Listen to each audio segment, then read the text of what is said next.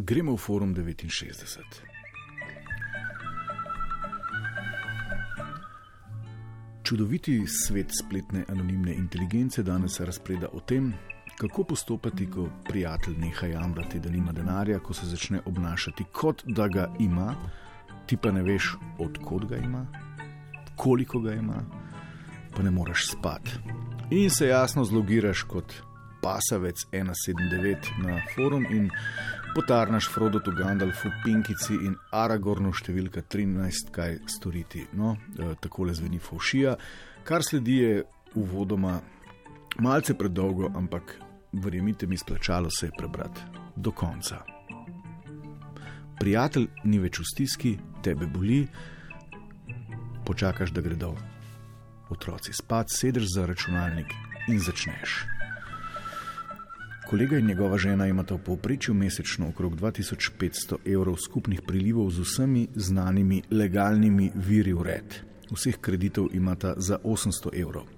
Z njihove strani je bilo dolani slišati eno samo tarnanje, vedno sta bila brez denarja, si ga izposojala od sorodnikov in znancev, bančni računi vedno v minusu, opomini na položnice. Zdaj pa sta se kar naenkrat začela obnašati, kot da je denarja neomejeno, kupujeta drage stvari, sedežne garniture, eno za drugo v zadnjem letu.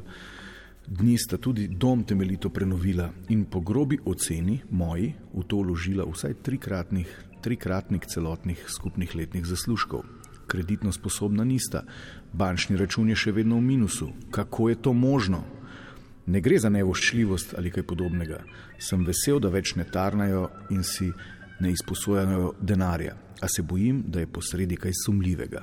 Ne bi želel, da bi se še sam zaradi našega druženja znašel v kakšnih postopkih. Pozna kdo kakšne podobne primere? Je kje kakšna kontrola, bančna ali kakšna druga, ki lahko posameznike, fizične osebe pozove, da pojasnijo svoje trošenje denarja, ki presega uradne zaslužke? Meni je vse skupaj postalo sumljivo potem, ko sem nekajkrat v družbi opazil, da vedno plačujete z gotovino in stotaki.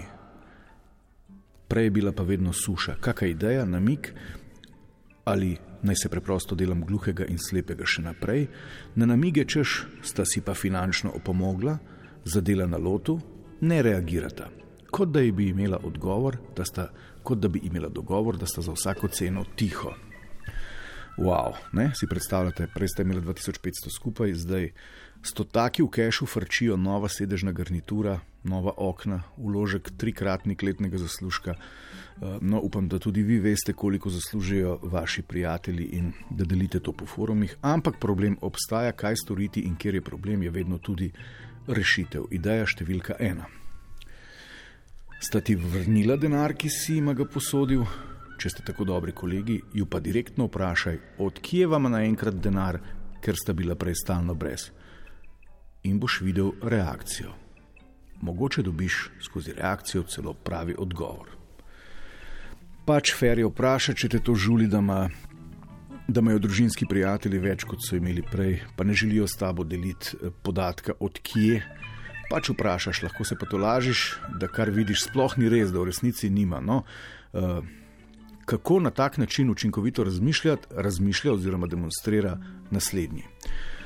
V resnici mislim, da nimata toliko denarja, temveč da gre za neke vrste kompenzacije, da se samo malo kažeta, ali pa da gre kake, za kakšne priložnostne podkupnine s to taki. Nič resnega, ne obremenjuj se. Ok, ne obremenjuj se, ampak kaj pa če kaj hujšega. Naslednji bi, če bi se to dogajalo njegovim prijateljem ali v njegovi fari, bi ne bil tako ravnodušen, kaj ti v okolici so se že dogajale podobne reči. Poslušajmo. Ja, pri nas je bil en tak primer v okolici, prej nič, kar naenkrat pa vse. Čez leto ali dve se je izkazalo, da je bilo posredi nezakonito prevažanje migrantov. Ali pa kakšno gojenje špičastih dobičkonosnih sadik v rovih ali podstrešjih. To pa ugotoviš po računu za elektriko. Uh, morda se pa s tem ukvarjate dodatno. Jaz bi vseeno šel na davčno preveriti, kaj tam pravijo. Ja, frenda mal na davčno preveriš, če ti želijo povedati. Vrak si ga vedi, ljudem ne gre tako zaupati. Ali ga pa vsaj vprašaš, koliko za elektriko plačuje. Skratka, če ima sosed novo sedežno, ni vrak, da ne šverca migrantov. Za konec pa še en dolg in resno premišljen na svet. kako pa na pošten način, ok, z malenkost prisluškovanja postopati s takim družinskim prijateljem, ki ima kar naenkrat novo sedežno in bankovec za 100 evrov v denarnici. Takole se reči streže. Ko naslednjič zazvoni telefon, lepo mirno odgovori, da ima privoščiš to, da sta si po letih izposojanja končno opomogla in imata dovolj denarja za svoje potrebe. Vendar, ker veš, da služb nista menjala, obnašata pa se čisto preveč skrivnostno, tipa ne želiš biti posredno upleten v kaj potencialno sumljivega, se odločaš in ima to poveš, da omejuješ stike.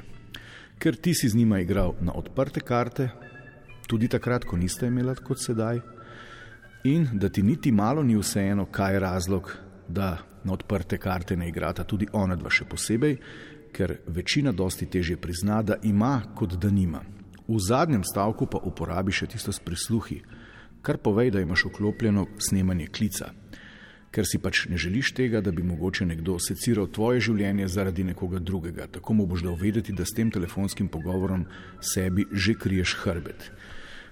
Če bi slučajno on potegnil kriptovalute ven, mu reči, da imaš precej znancev, ki so ti želeli pomagati do denarja in da bi bil v bistvu on zelo slab prijatelj, če bi te edini pri tem priskočil. Če bo rekel, da je zadev na lotu, reci, da ima dobitek iz srca privoščiš in da bi ima ga še bolj, če bi povabila prijatelje na večerjo in šampanjec ter delila veselo novico ob tako izjemnem dogodku, da že veste, zakaj sta želela zadržati to samo zase in da očitno prijatelje bolj potrebujete takrat, ko nimate, kot pa takrat, ko imate. Evo, lepo je imeti take prijatelje. Upam, da jih imate tudi sami in da se tudi oni do vas vedejo tako fair play, kot je bilo slišati v tem zadnjem zapisu. Mater, ki mi živimo. Lepo se imamo, no zdaj veste, da niste edini s težavami in s takim znanjem se lažje čez torek pride.